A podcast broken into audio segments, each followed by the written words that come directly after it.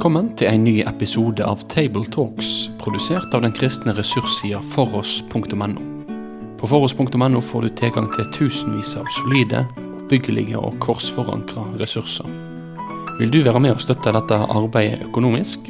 Da kan du gjerne gi de gaver til Foross på VIPS nummer 70979. Vi håper at du setter pris på dagens episode av Tabletalks.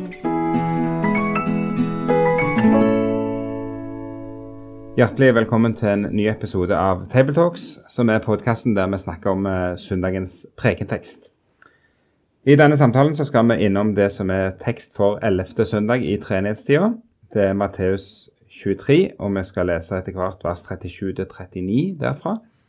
Uh, treenighetstida er den lange perioden i kirkeåret hvor vi uh, ikke feirer høytider, men vi lever vår, i vår daglige dont som disipler og eh, utfolde, lese tekster som utfolder ulike aspekter ved, ved, ved, det å følge Jesus i livet. Og i dag òg noe veldig alvorlig, nemlig mulighet for avvisning, muligheten for ikke ville følge.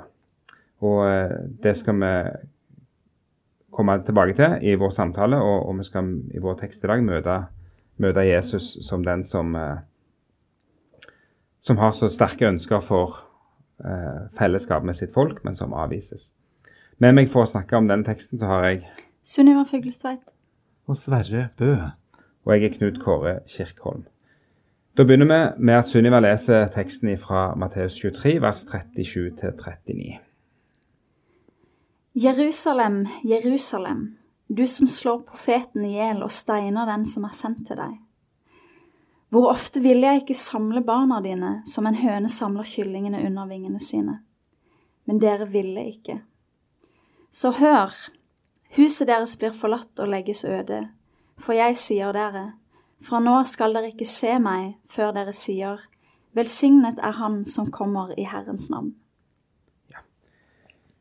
Dette er altså avslutningen på Jesu straffetale over fariseerne, som ofte kaller kapittel 23, der Jesus eh, har en rekke ved-utsagn over fariseerne og de skriftlærde og deres, eh, det, ja, deres religionsutøvelse, deres gudstru. Og eh, slutter av her med å forkynne ganske kraftige domsutsagn om eh, om, om Jerusalem, Jerusalems framtid. Vi har det både i versene rett før, som er veldig viktige her å lese, eh, hvor, hvor, vi i vers 34 36, hvor, hvor Jesus taler om eh, hvordan de skal avvise på nytt og på nytt. De har avvist, de skal fortsette med å avvise, og straffen skal komme over dem. Alt skal komme over denne slekten, sier Jesus.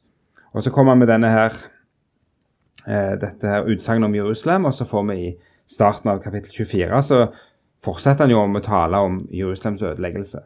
Og Dette er jo ting som gikk i oppfyllelse i år 70, når Jerusalem ble lagt i grus. Og uh, dette er jo en tekst jeg tenker, Du må gjerne kunne begynne med det, Sverre. at uh, Dette er jo en tekst som har en mildt sagt forferdelig tolkningshistorie. Og det kan være greit å ha sagt. Ja, det har den. Det er jo en straffetale med sju vedrop etter hverandre i kapittel 23 i Matteus, rettet imot fariseerne, de skriftlærde, eh, teologene, men gradvis også mer og mer mot Jerusalem og tempelet som skal rives ned. Og når det siden skjedde, så ble det jo ofte sett på som om Gud dermed hadde avsluttet det kapitlet med Israel. Og så kommer det et nytt kapittel med kirken ifra alle folkeslag. Og sagt på den måten så havner vi i den blanke, fryktelige erstatningsteologi, som om Gud skulle ha glemt sitt gamle folk.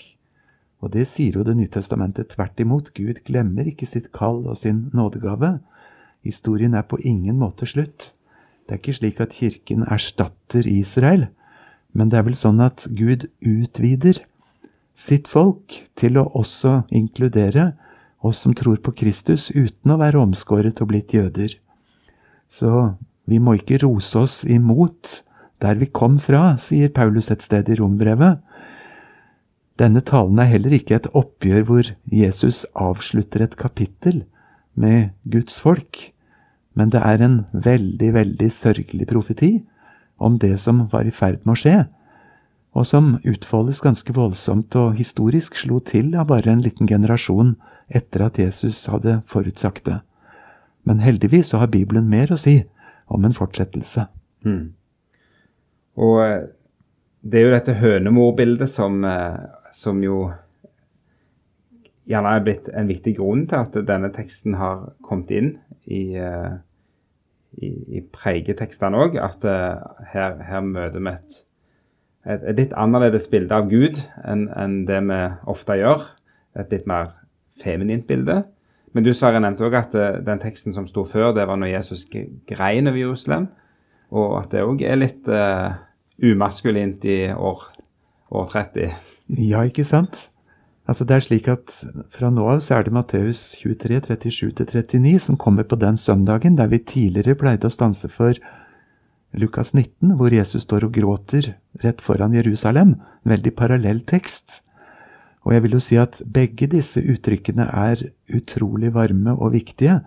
Og så kan det være akkurat så feminint eller maskulint det vil for meg. Men min Jesus skammet seg ikke ved å stå offentlig som en voksen mann og gråte over Jerusalem, for hans kjærlighet til folket var så stor. Og min Jesus, han bruker mer enn gjerne et bilde av en god mor, slik Bibelen også andre steder bruker bildet av Guds omsorg med morsbegreper, f.eks. 1. Tessaloniker 2, med, med det å ta næring og gi næring og varme og stelle ømt med sitt lille barn. Så det er like sant, enten det uttrykkes med mannlige eller kvinnelige metaforer, med Guds omsorg. Mm. Har du noe i forhold til hønemorbildet? eh, altså, jeg tenker jo at på en måte denne teksten, den viser oss jo eh, Det sier Jesus òg ganske eksplisitt. På en måte en sånn ubrutt linje i Guds sitt folks avvisning av de som blir sendt til dem. Men så viser det òg en ubrutt linje i Guds frelsesplan. Eh, og jeg tenker jo at det bildet uttrykker kanskje eh, Det er en dom over israelsfolket, en tydelig dom. Eh, men det er òg samt Guds vrede og Guds dom over folket, over, eh, over onde menneskers gjerninger, onde gjerninger men òg denne eh, frelsesvingene som på en måte eh, Gud ønsker å samle sitt folk under og beskytte dem fra, eh, fra vreden. Og, og, det ligger jo òg her i teksten en, en, sånn fortsettelse, tenker jeg, av den lengselen. Jeg vil så gjerne samle, samle dere. Og det er jo et ord til, til oss i dag. Mm. Og en av lese, kan bare nevne det, at en av lesetekstene er jo fra Jesaja, eh, hvor nettopp dette ordet om at eh, hele dagen så rakte jeg hendene ut til trassig folk. Eh, og en gud som, som, sa 'her er jeg, her er jeg', og så, og så kaller de ikke på hans navn allikevel. Så, så der er denne avvisningen. og det, Jeg tror det er viktig poeng at det er en ubrutt, eh, dessverre, historie med avvisning, men òg en ubrutt, heldigvis, historie om om, om Guds omsorg. Og så, møtes, så er det jo tempelet da, som blir eh, det store temaet i, i dette her avsnittet her. Og eh, tempelet som Guds nærvær og, og nå eh, fravær og ødeleggelse et stort tema i, i, Bibelen og et stort tema i denne her ubrutte historien om, om uh, Guds frelsesvilje og folkets avvisning. Ja, her tror jeg vi eh, norske lutheranere, ofte med en lavkirkelig profil, vi må få litt hjelp til å se hvor stort og viktig og positivt tempelet er løftet frem i Det gamle testamentet, og også i Det nye testamentet. Den lange, utførlige beskrivelsen av at tempelet ble bygd, det ble innviet, Moselovens mange bestemmelser om hvordan det skulle brukes, og, og vi finner jo lignende i Det nye testamentet med folket som samles rundt tempelet, og Jesus gjør det også. Og også etter påske, da apostlene fortsatte å møtes der som et bønnested og et treffsted. Men så er det også denne sterke, sterke tråden i Det gamle testamentet av at tempelet var jo en gang blitt revet før. Også midt i Det gamle testamentets tid så var forfallet blitt så stort at Gud selv slapp fiendene inn, og de rev ned og brente ned hele tempelet, og det lå nede i 70 år. Dette er utførlig både forklart og fortalt i Det gamle testamentet. Jeg tenker ikke minst på Esekiel, som i kapittel 8, 9, 10 og 11 har en voldsom visjon av hvordan Gud flytter ut ifra tempelet, for han kunne ikke lenger ha plass der hvor avgudene hadde sluppet inn. Og der er det masse paralleller til noe av det som skjer fram mot Jesu tid. Og nå nevnte du dette at Jerusalems tempel faktisk ble revet da i år 70. For den som har tid og anledning, så er det vel verdt å lete fram historien om det. Den er utførlig fortalt rett etter at det skjedde, av en jødisk historiker som het Flavius Josefus. Den boka om den jødiske krig er en stor, omfattende, detaljrik bok.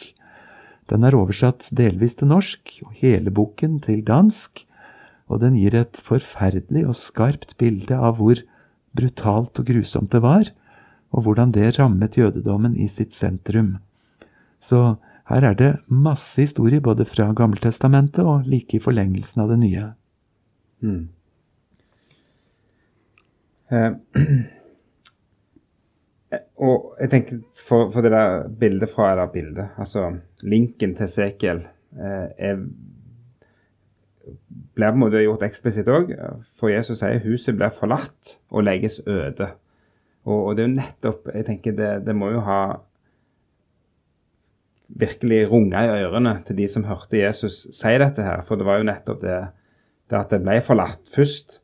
Og det som er interessant, eh, jeg kikket litt på Esekiel, og han daterer jo noen av sine utsagn. Og, og, da er det i det sjette året etter bortføringen at han får høre, eller får dette synet i kapittel 8 og, og, utover.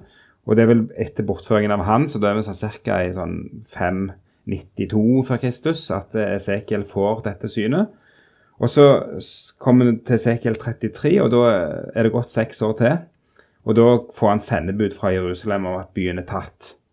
Så det, det er sånn en, eh, den der litt sånn etappevis, for det satt jeg og funderte litt på, en, en slags etappevis eh, Huset forlates, og så legges det øde. Og hvordan det resonnerer med, med, det som vi på teologisk fagspråk ofte kaller for sionsteologi. Som jo handler om det at når Gud bor i Jerusalem og er til stede i tempelet, så er byen trygg. Og det var det Israel fikk oppleve i f.eks. Eh, under kong Hiskia, når, eh, når den babylonske hær, eh, den asyriske hær, eh, trua. Så opplevde han hvordan Gud på overnaturlig vis beskytta tempelet og folket og byen. Så de hadde jo en slags forventning om at sånn, sånn, var det jo. Så lenge Gud og tempelet sto der. Så sier Jeremia 'Herrens tempel, Herrens tempel, Herrens tempel'. og og dere tror at alt er greit så lenge dette tempelet står iblant dere, og da er dere trygge og ingenting er et problem. Men så er det da Gud forlater det, og da, da går det noen få år, og så faller det. Eh, og så kan vi jo spørre oss eh, Det er jo mer spekulativt, men hva, hva, er det som skjer? Altså her, her Jesus forkynner, eh, og så går han noen kapitler senere, så korsfestes Jesus. Eh, forhenget revner. Eh, tempeltjenestens plass i uh, Guds frelseshistorie endres. Og så går det noen år til, og så er tempelet vekke. Og, og, Det er vanskelig å si mer enn det, bare beskrive det, men, men, vi ser jo en parallell her. I alle fall til det som skjedde i Det gamle testamentet.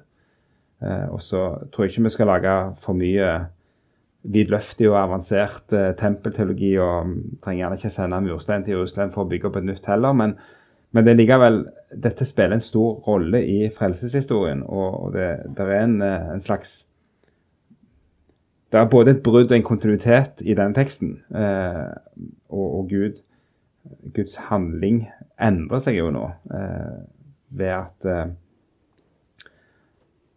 tempelet synlig òg forsvinner etter hvert.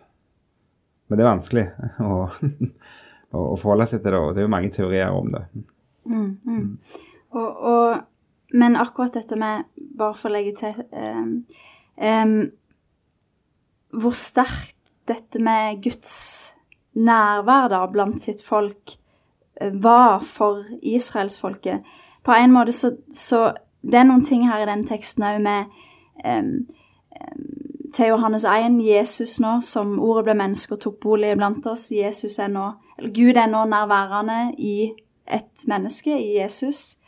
Og, sant? Og, og jødene som han pratet til her, som, som kanskje ikke enda forsto dette, og Jesus som forutsier at uh, dere uh, Implisitt iallfall, dere vil òg komme til å forkaste meg. Um, uh, og er også sendt til dere. Uh, og så er det òg kanskje et frampeg her fram til For en kan jo på en måte spørre seg har Gud forkasta sitt folk, har Gud forkasta jødene, som du var inne på, Sverre, har Gud forkasta Eh, Jerusalem. Eh, og da er det jo kanskje et frampek her òg til eh, den nye himmelen og den nye jord, for der nevnes jo på nytt Jerusalem, men som, eh, som noe nytt av en ny by. Der det står f.eks. i Åpenbaring kapittel 21 eh, det nye Jerusalem som stiger ned, gjort i stand og pynta som en brud, og der det på nytt på en måte stadfestes der at Gud bolig er hos menneskene. Guds nærvær er hos mennesker. Han skal være disse folk. Han skal være deres Gud, og disse skal være hans folk. Og, og det siste verset i, i, vår tekst her gir jo kanskje et hint om det, da. At uh, dette vil skje, tempelet vil legges øde sånn, men, men jeg forkaster ikke mitt folk. Mm. Et håp der. Det er så fantastisk. Jeg er så glad i at teksten slutter nettopp med det. Det er trist, det er dom, og det skal bli enda verre enn det er nå, sier han. Men en dag så skal dere si, velsignet være Han som kommer i Herrens navn. Og det er ikke så veldig utfoldet akkurat når og hvordan det skal være, men Romerbrevet 11 sier jo så varmt og så fint om at siste ord mellom Gud og Israel er ikke sagt. Etter at hedningenes fylde er kommet inn, så skal hele Israel bli frelst. Et fantastisk løfte over all misjon, all evangelisering, eh, rettet særskilt til Guds gamle paktfolk. Den historien er ikke forbi fra Guds side. Og er det noe vi skal få lov til å dele med dem som med alle andre folkeslag, så er det jo nettopp nyheten om Jesus.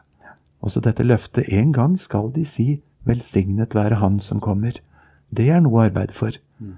Evangeliet er for jøde først, og så for greker.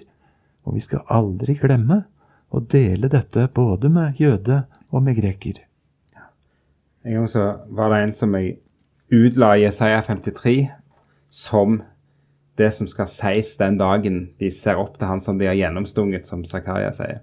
Eh, den nye erkjennelsen av eh, han er faktisk han var venta på. Og det, det, er flott at vi kan ha det håpet om at, eh, at Bibelen faktisk sier noe om, om, jødefolket, og at de en dag skal, skal venne seg til Jesus. Um, og så tenkte jeg uh, Vi snakker mye om Det blir mye sånn, år 70 i historien.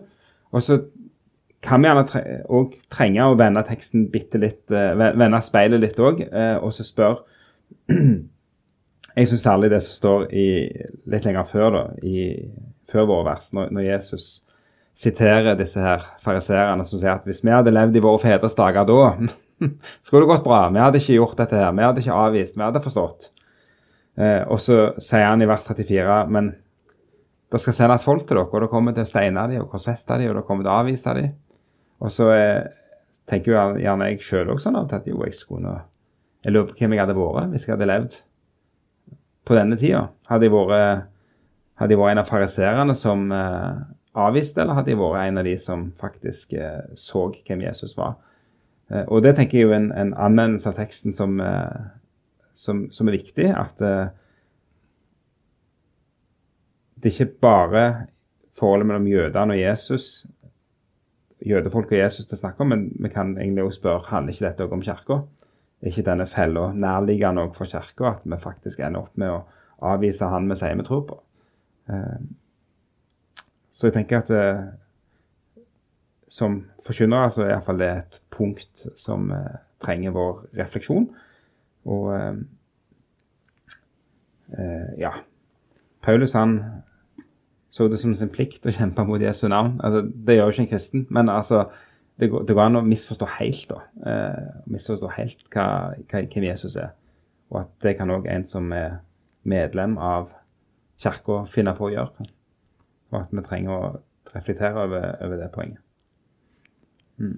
Ja, det tror jeg er helt riktig. Og, og det å på en måte ikke se denne teksten bare med den på en måte historiske rammen, men òg både det Kanskje går det an å tenke seg um, Ofte i løpet av våre liv på ulike måter så uh, så kommer på en måte Bibelen, Guds ord, innover våre liv.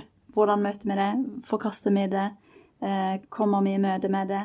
Uh, og òg i, i, vårt kristenliv og i menighetene våre Eh, søker vi den Jesus som Bibelen forteller oss om, eller leter vi på en måte etter noen andre som vi har skapt oss i vårt bilde, på en måte? Pakker vi Jesus inn i et eller annet som han sier at han ikke er? Mm. Mm. Ja.